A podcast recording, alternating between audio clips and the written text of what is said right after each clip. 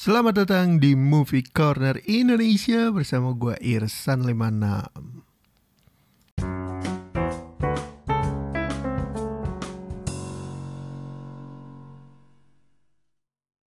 Hey, masuk ke hari 23 dengan tema kita hari ini adalah penyesalan. Rekomendasi untuk film tentang penyesalan ada The Founder.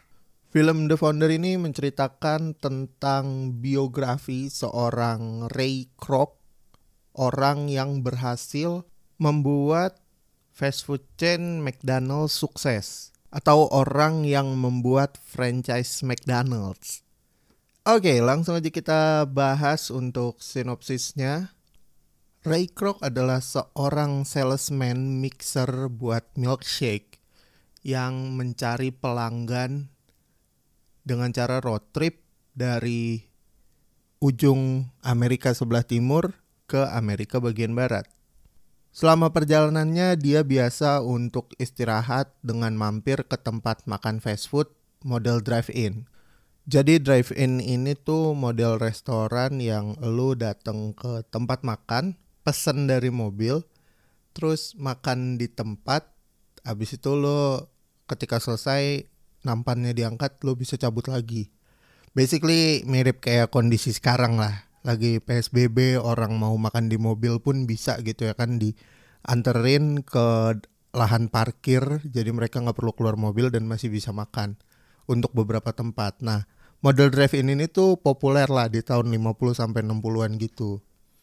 Dan latar waktu untuk cerita ini di tahun 50-an. Selama dia mampir ke beberapa tempat fast food selain untuk menawarkan mixernya, dia juga uh, makan di sana gitu. Dan experience yang didapetin pengalaman yang cukup buruk seperti pesanan yang dianterin salah, terus makanan yang datang lama, terlalu berisik karena banyak banget para yang adults lagi pacaran di situ, jadi kurang kurang oke okay lah, kurang cozy gitu. Terus suatu ketika di tengah perjalanannya dia pas dia nelpon ke kantornya dapat konfirmasi dari sekretarisnya si Ray bahwa ada yang mau beli mixer milkshake sebanyak 8 unit. Nah si Ray kaget dong pas nerima berita itu. Bentar, kok bisa? Gimana ceritanya? Terus dijelasin sama sekretarisnya ini ada restoran fast food yang serius mau beli 8 unit di daerah California, tepatnya di San Bernardino.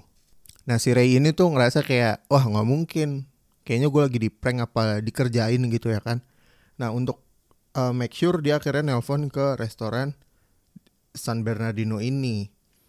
Terus ketika dikonfirm, iya beneran mereka mau pesan 8 mixer.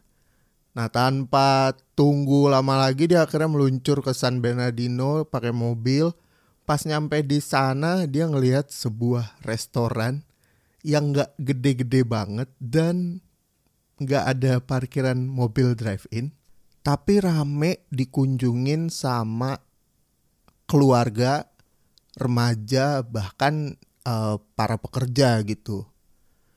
Terus dengan penasarannya dia bertanya gimana cara ordernya dan lain-lain. Singkat cerita dia udah di depan kasir. Dia pesan burger gitu ya kan sama uh, minuman. Pas dia pesan burger dikasih tahu sekian sen, si Ray ini kaget karena burgernya dateng nggak sampai satu menit. Kayak si kasirnya tinggal ngambil satu burger, ngisi air, terus bungkus masukin ke paper bagnya gitu, terus kasih ke depan kasir. Terus dia kaget loh, gue pesan burger kok. Iya ini burger lo di depan lo. Enggak mungkin masa cepet banget masa cuma satu menit udah jadi gitu. Bahkan gue kayak belum siap gitu untuk nerima makanannya. Si kasirnya jelasin iya emang kita pelayanannya secepat itu. Terus akhirnya Ray dengan kagetnya bawa paper bag dan minumannya. Terus dia makan di semacam kayak kursi taman gitu di pinggir jalan. Pas dia cobain dia kaget gitu wah ini kok rasanya pas gitu nggak kegedean nggak kekecilan enak murah terus serba cepet apalagi nggak repot bawa-bawa nampan gitu ya kan karena pada tahun 50-an itu masih cukup umum untuk lo bawa nampan dan makan di piring gitu. Sedangkan yang dia makan itu cuman burger di tangan doang. Terus minumnya dari gelas disposable gitu, kayak gelas kertas McDonald sekarang.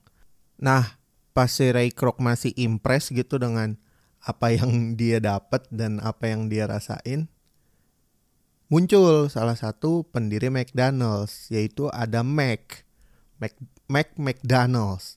Terus ngobrol ngobrol-ngobrol sebentar biasa kan namanya bisnismen gitu ya. Nah dari situ Mac ngajak untuk ketemu adiknya namanya Dick McDonald's. Nah Mac dan Dick ini adalah founder sebenarnya dari McDonald's yang ada di San Bernardino ketika Ray Kroc akhirnya diperkenalkan dengan dapurnya McDonald's dia ngajak Mac dan Dick ini untuk makan malam gitu untuk bercerita sebenarnya gimana sih awalnya kalau orang bisa bikin kayak gini. Nah, singkat cerita intinya adalah McDonald's itu punya filosofi ketika semua dikerjakan dengan efisien, maka tidak ada waktu yang terbuang dengan sia-sia. Mereka membuat sebagaimanapun ceritanya proses supply chain yang ada di dapur itu untuk bisa memproduksi burger terus-menerus kayak di pabrik dengan jumlah tertentu, waktu yang singkat, tapi kualitas yang pas. Kayak gitu. Formulanya dan akhirnya jadilah McDonald's pertama di San Bernardino. Abis dikasih tahu kayak gitu, si Ray Kroc jadi berpikir kayak, oke, okay, kayaknya gue tertarik nih untuk buka yang kayak gini nih. Karena ini restoran nih unik gitu. Dan belum pernah ada yang seinovatif itu Terus singkat cerita mereka akhirnya ngobrol dengan negosiasi yang alot. Akhirnya Ray Kroc bisa untuk buka cabang McDonald's. Nah dari situ sebenarnya konflik baru akan dimulai karena ketika Ray Kroc membuka cabang, dia mencoba menarik investor lain, tapi ternyata semua perusahaan yang dia coba untuk dirikan ini nggak menghasilkan keuntungan yang bagus. Terus dari situ dia mulai pusing dan mulai terlilit hutang sampai akhirnya dia negosiasi untuk perubahan kontrak baru dan lain-lain antara kontrak kerjasama dengan si Mac Dick ke dia gitu. Sampai akhirnya dia ketemu salah satu financial consultant di sebuah perjalanan terus si financial consultant ini ngasih tahu sebenarnya lo tuh bisa dapat duit lebih banyak lagi, tapi polanya harus diubah dengan model franchise real estate. Gampangnya adalah semua orang yang mau punya McDonald's itu kayak dikumpulin uh, uangnya secara patungan atau kalau yang mau punya sendiri juga bisa. Terus dia tinggal tunjuk-tunjuk aja tuh mau ditaruh di mana, mau ditaruh di kota mana, kayak gitu-gitu. Itu gampangnya lah ya. Karena versi susahnya gue juga nggak tahu. Nah dari situ konfliknya dimulai dan ketika si McEndick tahu bahwa si Ray Kroc udah mulai berulah dengan membuka cabang lebih banyak lagi tanpa izin mereka, mereka mulai uh, masuk jalur hukum. Tapi ternyata secara hukum apa yang dilakukan Ray Kroc itu legal dan tidak menyalahi kontrak kerja mereka. Dari situ mulai sengketa deh tuh. Penamaan McDonald's pemegangnya apakah Ray Kroc atau McDonald bersaudara McEndick. Nah, buat yang penasaran lebih lanjut bisa langsung cek film The Founder di video on demand kesayangan kalian. Dia ada di Netflix, tapi Netflix USA. Bukan Netflix Indonesia. ya, jadi selamat berpetualang mencari film The Founder di video on demand kesayangan kalian. Oh iya, untuk pemeran-pemeran yang ada di film The Founder ini ada Michael Keaton, ada Nick Overman, ada John Carroll Lynch, Linda Cardellini, Patrick Wilson, BJ Novak, Laura Dern. Film ini rilis di Desember 2016, tepatnya di Arclight Hollywood terus akhirnya rilis di seluruh Amerika di Januari 2017. Film ini disutradarai oleh John Lee Hancock dan ditulis oleh Robert Siegel. Jujur, waktu filmnya di Indonesia, gue nggak inget film ini sempet tayang apa enggak.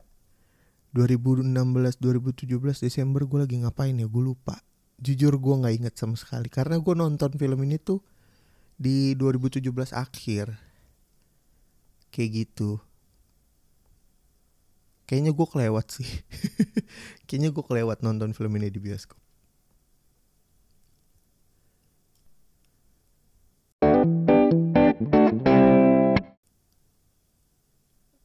Penyesalan. Hmm, ada jargon di luar sana yang menyebut gini Penyesalan itu selalu datang di akhir, kalau di depan itu namanya pendaftaran. Sama seperti halnya yang terjadi oleh McDonald bersaudara, mereka menyesal tidak buru-buru atau tidak mendaftarkan merek McDonald's dari awal. Padahal kalau udah ditanemin kan harusnya mereka gitu yang langsung menang. Ini malah diputer-puter sampai jadi film. kalau ditanya um, apa penyesalan terbesar gue salah satu penyesalan terbesar gue adalah mengkhianati teman-teman gue di SMA ini mungkin agak personal dan hey guys teman-teman gue yang denger ini. Meskipun sekarang kita udah nggak apa-apa tapi jujur rasa penyesalan dan rasa bersalah itu masih ada di gue karena kalian belum tahu yang sebenarnya. Dan kayaknya melalui ini gue akan ngasih tahu ya tentang kebenaran itu. Jadi back in the days di kelas 10 mau kenaikan kelas 11 gue um, keluar dari salah satu eskul di sekolah gue. Bisa dibilang keluar secara tidak hormat karena waktu itu gue dihadapkan oleh dua pilihan yang mana gue nggak berani untuk ngomong ke lu semua. Gue dihadapkan dengan dua pilihan, gue lebih memilih eskul itu atau gue naik kelas. Gue nggak bisa untuk memilih dua-duanya. Kalau gue memilih tetap di eskul itu dan bersama kalian, gue akan mengecewakan orang tua gue. Dan buat teman-teman gue yang dengerin ini, seperti yang kalian tahu, gue memilih untuk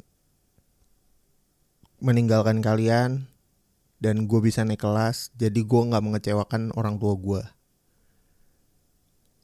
gue nggak berani jujur waktu itu ngomong ke kalian hingga akhirnya persahabatan kita di SMA renggang. Jadi kita berdua belas minus gue satu dan kalian akhirnya keep moving on dengan apa yang kalian percaya. Dan gue terima kasih banget kepada di antara kalian yang bersebelas udah bisa nerima gua dalam waktu singkat maupun panjang ya karena semenjak itu kan gua untuk sapa-sapaan dan untuk tegor-tegoran sejujurnya agak jengah dan agak canggung dengan kalian tapi terima kasih buat yang udah tetap nerima gua sebagai teman kalian yang selalu bersama selama kelas 1 waktu itu. Sejujurnya kenapa gue masukin permintaan maaf di penyesalan gue karena ada rasa penyesalan ketika gue nggak bisa untuk mengkomunikasikan ini dengan baik ke kalian gitu. Gimana caranya gue ngasih tahu? Karena kondisinya itu waktu sudah mepet. Dua kalaupun gue kasih tahu dan kalian tetap maksa gue tet untuk stay, apakah kalian bisa bertanggung jawab dengan kenaikan kelas gue? Gak ada yang bisa jamin. Akhirnya gue memilih yang lebih pasti. Gue lebih memilih untuk tidak mengecewakan orang tua gue karena ya gimana pun juga masih masa sekolah. Gue harus ngebuktiin dan paling gak bikin orang tua gue itu gak sedih selain nilai gue yang jelek gitu seenggaknya gue masih tetap lanjut naik kelas walaupun secara akademis gue ngerasa ya bego aja gitu karena nggak masih secara standar kurikulum kan nilai gue hitungannya juga hancur ya. Gue masih berharap sih bisa ngomong ini secara langsung ke kalian dan bercerita secara langsung karena mungkin baru beberapa ya yang tahu kenyataannya kenapa gue cabut dari eskul tersebut. Well itu aja sih yang mau gue omongin intinya gue masih menyesal dengan keputusan gue cabut tanpa berkomunikasi dengan kalian. And I miss you guys so much. Kita terakhir ketemu meskipun gak lengkap 11 tapi cukup rame ya. Waktu itu juga sayangnya adalah lagi keadaan berduka di awal tahun ini. 2020 sih emang it's a thing sih bener-bener. Campur aduk lah mix up lah. Ya begitulah. Gue nggak tahu lagi gue mau ngomong apa jadi ya udah makasih yang udah dengerin. See you. Terima kasih buat yang udah dengerin sampai ke fase ini. Terus uh, jangan lupa untuk dengerin konten 30 hari bersuara dari podcaster-podcaster lainnya di hashtag 30 hari bersuara. Terus follow juga IG komunitas at thepodcasters.id untuk update tentang challenge hashtag 30 hari bersuara. Lo juga bisa DM gue di IG untuk ngasih rekomendasi film. Bisa cek ke at irsan56 atau lo mau ngobrol-ngobrol bisa juga ke DM itu karena gue lebih fast respon di IG. So, itu aja mungkin untuk bahasan kita di episode kali ini. Sampai ketemu di episode selanjutnya. Gue Irsan 56 pamit. Ciao.